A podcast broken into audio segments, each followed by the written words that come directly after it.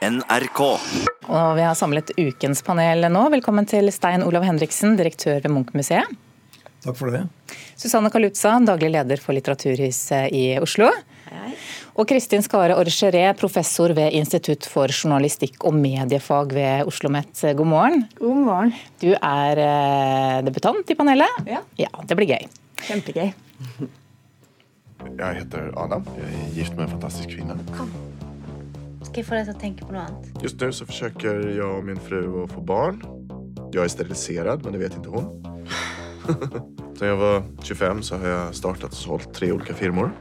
Men eh, eftersom jeg hadde mine første 100 millioner innan jeg fylte 30 så eh, har det vært svårare og svårare med tiden å hitta den sortens utmaningar som gir kicken. Det der. Ja, Om lag 700 000 nordmenn har sett dramaserien Exit her i NRK under en uke etter at den ble sluppet. Denne serien handler om narkotika, festing og vold i det norske finansmiljøet. Spørsmålet til panelet er tror dere at Exit gir et riktig bilde av finansbransjen her i landet? Ja. Nei. Ja. Ja, Da får du starte, da. Jeg sier nei fordi jeg tror egentlig ikke dette er spesielt for finansbransjen. Jeg tror man har laget teater om eh, vold og sex eh, til alle tider. Det fins i alle miljøer. Det er kanskje litt pikant at man trekker inn dette med penger og makt uh, i tillegg. Men jeg tror ikke verken det er representativt for finansbransjen.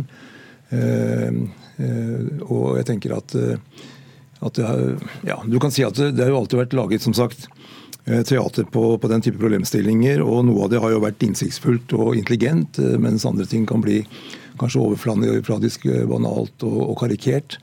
Jeg lurer på om denne serien her kanskje er av den siste kategorien. Så håper jeg jo at den kan skape litt refleksjon senere, kanskje, på, på jeg har bare sett en liten del av det, men jeg tenker at hvis det kan skape refleksjon om hvordan mennesker blir så avstumpet, altså hva er det som gjør at du får dette menneskesynet, dette kvinnesynet, Eh, de problemstillingene som ligger i materien, er jo utrolig, utrolig interessante. Så håper jeg man kan få det fram etter hvert, at det ikke bare blir en spekulasjon i, i vold og sex i spennende miljøer. Susanne Kalutza, du har sett hele. Eh, hva er det som gjør at du tror på det?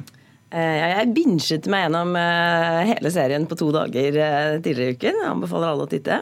Altså, først må jeg jo si at jeg har jo mange venner som jobber i Barcode og i, på, på Tjuvholmen og Aker Brygge, som er utrolig fine folk. Så det er jo ikke representativt for alle, men at dette her eh, viser noe om en eh, om én gruppe blant de, det føler jeg meg etter 15 år i mediebransjen ganske trygg på. Vi har hatt utrolig mange saker opp igjennom om slåsskamper på Turbotirsdag på Odeon, folk som kaster champagneflasker i huet på hverandre. Eh, vi har hatt milliardærer som slår ned VG-fotografer som tar bilde av de, eh, utsagn om at kvinner over 40 er som å ligge med lik, osv. osv. Eh, jeg tenker at det er relativt gjenkjennelig. Så syns jeg du har helt rett i at eh, kvinnesynet er ikke unikt eh, for eh, den øvre delen av eh, finansbransjen. Jeg syns tvert imot det er ekstremt interessant hvordan både kvinnesynet som framkommer i denne serien, eh, maskulinitetsidealet og voldsromantiseringen er ganske likt eh, mellom liksom, øvre, øverste del av overklassen her eh, og det vi ser fra f.eks. white supremacist-grupper i Amerika, og for så vidt også liksom, eh, radikal islam. Eh, det handler om at menn skal være menn, det handler om at kvinner skal forsørges, og det handler om at det er helt greit at jeg slår til deg hvis du har krenka min ære. Kristin Skare Orgeré, kunne disse personene like gjerne vært plassert i et helt annet miljø, f.eks. i en av de bransjene som, som dere representerer her? Trolig, men det er jo ikke så mange av de bransjene som har så fryktelig mye penger som det vi ser her. Og der penger er jo en viktig del, et viktig element av, av denne miksen. Og jeg tenker også, jeg tillegger litt spesielt tyngde når en av de veldig få kvinnene i bransjen Det er jo så få kvinner på toppen av eh, Finans-Norge. Og når da eh, veldig mye brukte kilde, analytiker eh, Tina Saltvedt sier at hun ikke er overrasket, så har jeg, tror jeg veldig på henne. Ellers så er jo de få glimtene som de av oss som ikke kjenner den brutale verden som Exit beskriver så noe særlig godt. Eh, det vi får gjennom mediene, som Susanne var litt innom, sto senest i går i Dagens Næringsliv om en slåsskamp eh, på Frogner hvor man knuste hverandre med eh, knuste champagneglass. Ganske voldelig slåsskamp, og hvor da ifølge en av disse innblandede det er helt vanlig sjargong å kalle kvinner over 40 år for forlik. Og vi har jo også hatt andre episoder hvor um, kvinnelige redaktører blir invitert på kajakktur eller på IQ-test når hun stiller spørsmålstegn med manglende kvinneandel i bransjen, altså i mediebransjen. Så det er jo gjenkjennelige trekk som her tas ut i det ekstreme. Men det kan jo også skape en forherligelse. da. Det er klart at Her er det også eh, gutta som skryter ikke sant? i de intervjuene som ligger til grunn for den serien. Uh, hvor reell den skrytingen er, kan man jo lure på. Men det er jo litt sånn uh, snakk som gutter har når de sitter i garderoben. Apropos Trump og det, hans liksom, begrunnelse for å ha den type kvinnesyn. Så jeg tenker det at dette er ikke spesielt for finansverdenen. Du finner denne holdningen, denne livsholdningen, denne skal vi si, innstillingen til kvinner og samfunnet i alle miljøer. Men det blir mer pikant i, i dette miljøet. Og så kan man selvfølgelig også spørre om er det sånn at uh, penger gjør folk mer egoistiske? Uh, er det sånn at penger og makt gjør at man får dette synet, og, at man får denne forflatenheten da, i, i sine liv? Det er jo en, også en interessant problemstilling, for så vidt, for vi er jo alle rike i Norge nå. Hvordan går det med oss eh, når vi blir så rike? Blir vi egoister alle sammen? Vel, sånne spørsmål kunne man jo også kanskje da, skal vi si, skapt en refleksjon rundt gjennom en sånn serie. Tydeligvis mye som fascinerer, da, i og med at så mange har, eh, har eh, sett den første episoden, og sikkert flere også. Jeg tenker at Det handler både om at, at, at det er gjenkjennelig, og at at det, har, det, er jo et destillat av alle de drøyeste historiene, anekdotene og nyhetssakene som har dukket opp. Eh, men, men, men, det sier fortsatt noe om eh, en virkelighet som ikke så mange kjenner til. Eh, så selv om det er, selv om det er eh, ekstremversjonen, eh, så tror jeg mange er sjokkert over, eh, over hvordan enkelte lar seg altså, finne, altså, holde på, da, rett og slett. Jeg og jeg tenker at, og jeg tenker at, uh, at du har rett i at uh, at man kan finne sånne holdninger alle steder, men det er fortsatt slik at, at finansbransjen tiltrekker seg en annen type mennesker enn de som f.eks. trekkes mot å bli gartnere. Jeg er ganske enig med anmelder Øyvor Dalandvik, som skrev at serien godt kunne startet der den slutter. Så jeg tenker kanskje dette er sted og tid til å reise lite folkekrav til NRK, at vi vil gjerne ha en sesong to. Ok, da skal vi, ta. vi skal ta med oss det. Vi går videre. Vi skal til en artist som har fått mye oppmerksomhet eh, denne uken.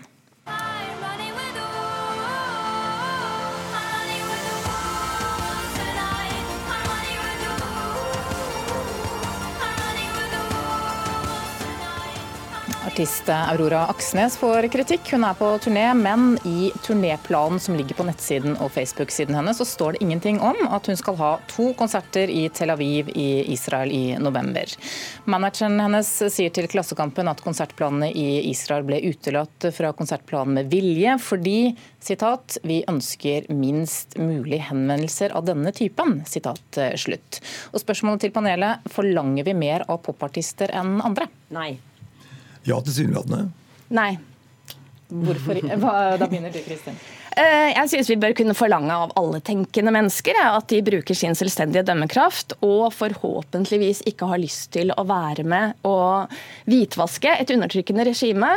Eh, så er det vel nettopp det forsøket som du var inne på å dysse ned, som provoserer veldig denne saken med Aurora, eh, når da manageren sier at konsertplanene med vilje er utelatt fra nettsiden fordi de ønsker minst mulig kritiske henvendelser.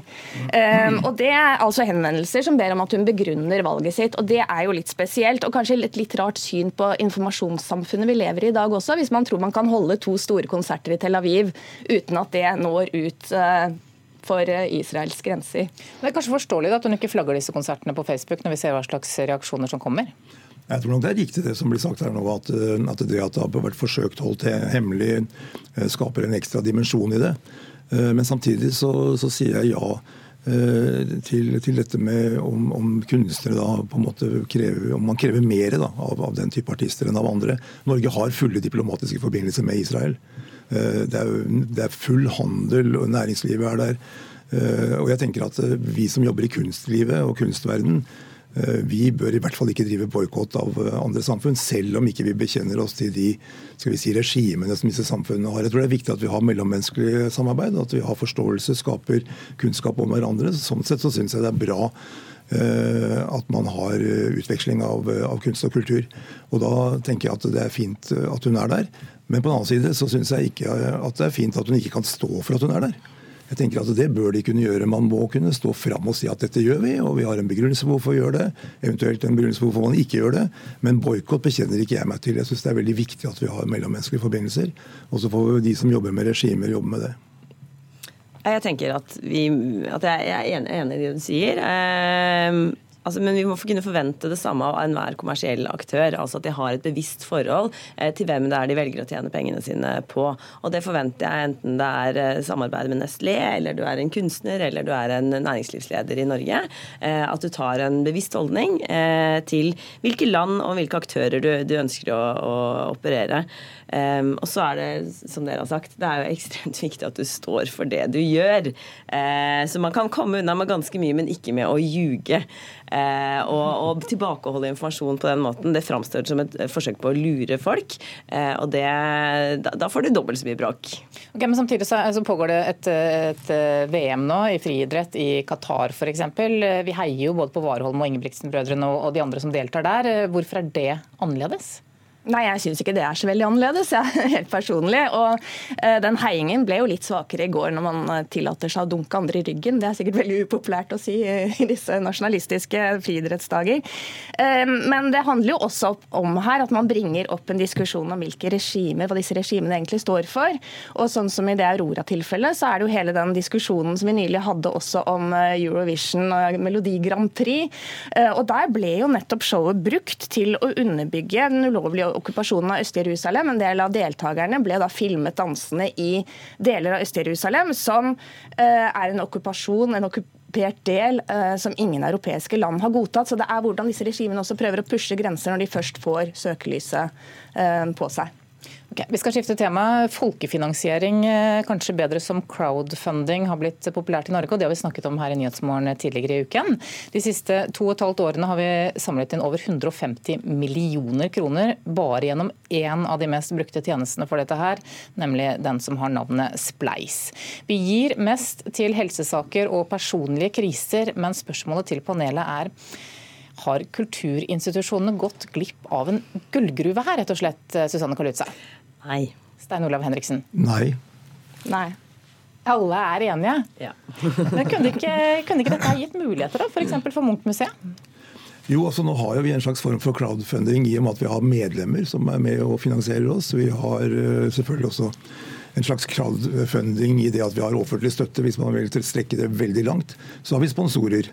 Eh, men jeg tror det at eh, vi kan gå inn og se litt nærmere på hva dette handler om, og om det kunne være ting som folk hadde lyst til å være med på og finansiere på forhånd. For det er jo det dette her handler om. Eh, og ikke finansiere på etterhånd ved å f.eks. gå på en utstilling og betale for det. Så, så, det er jo for så vidt et interessant fenomen. Jeg syns det er for så vidt fint at, at, det brukes i forhold til oppgaver som ellers ikke lar seg finansiere. Og så tenker jeg også Det er jo en stor risiko da, med å bruke penger på ting man ikke vet hva helt hva, hva blir, eller om det blir brukt til det man sier man bruker det til, osv. Så, videre. så jeg tenker det at at det er ikke egentlig en god form for finansiering, og i hvert fall ikke for, for Munch-museet sånn som det framstår i dag. Hva med dere? Hva får dere til å, til å støtte slike saker, Kristin Skare Arrangere? Det er jo tanken om at kulturinstitusjoner må ha et mer stabilt finansieringsgrunnlag i bunnen, mens eh, folkefinansiering eller økonomisk dugnad, som det ofte kalles, eh, er jo mer adhoc-løsning. Vi ser jo at eh, for enkeltsaker så kan det være en god idé. Maren Sebø, utenriksjournalist, hun hadde en, eller noen hadde en dugnad for henne og fikk da crowdfundet en del penger, sånn at hun reiste til Nigeria for å finne ut hvordan det gikk med disse damene, de unge damene som var kidnappet av Boko Haram for en del år siden. Altså Sånne enkeltsaker tror jeg man kan eh, vinne oppmerksomhet på, eh, men det må planlegges godt. og det Her er det jo en kamp også om menneskers oppmerksomhet. Vi så jo på Facebook for en tid tilbake, sikkert mange av oss, hvordan det var veldig populært å samle inn penger i forbindelse med bursdager til sjeldne salamandere eller sultne barn eller flyktninger. Gode saker. Men det var også et blaff. Det er ikke noe varig. Så her tenker jeg at det kan brukes til en enkelt utstilling, eh, en enkelt uh, hendelse, kulturhendelse også. Uh, kanskje et enkelt journalistisk prosjekt. Men det å få det til å være en gullgruve over tid, det er mye vanskeligere. Susanne Kalutza, hvilke saker av denne typen har du, kunne du tenkt deg å være med å støtte? Uh, den grad jeg har, jeg har, støttet crowdfunding, så har det vært på de tingene som man, som man ser at crowdfunding funker på. Da. Det er jo eh, noen som har fått kreft i, i, uh, i kretsen din, og som trenger, trenger penger til, til, behandling. Eller det var akkurat altså et barn som trenger ører, eller som trenger høreapparat. Sånne type helsesaker ser vi at fungerer på crowdfunding. Og så ser man at, at teknologi og nye, nye tjenester, især innen tech, f.eks. Remarkable, denne norske eh, kombinasjonen av på en måte Kindle og penn og papir. Eh, og gjorde også veldig godt på crowdfunding. Samme gjorde Loado, samme gjorde eh, et, et, selskap som driver med liksom kjoleutleie, Fjong. Så det må, føre, det må, føres helt nytt, og det må føres liksom presserende. At du har veldig veldig lyst til at, at, akkurat dette skal bli noe, at akkurat dette skal skje. Så jeg tenker at å, å, å, å tenke at dette skal være en måte å, finansiere store kulturinstitusjoner på, Eh, det er en liksom manglende forståelse for kanalens natur. Da. Eh, det må oppleves presserende, eh, og det må oppleves aktuelt og veldig viktig at du gir penger til akkurat dette her og nå. Så for enkeltsaker kan det funke, for enkeltprogram, men ikke som en varig finansieringsmodell. Ok, da fikk Susanne Kalutza, daglig leder for Litteraturhuset i Oslo, siste ord i Fredagspanelet i dag. Takk også til Stein Olav Henriksen, direktør ved Munch-museet, og Kristin Skare Orcherie, professor ved Institutt for journalistikk og mediefag ved Oslo OsloMet.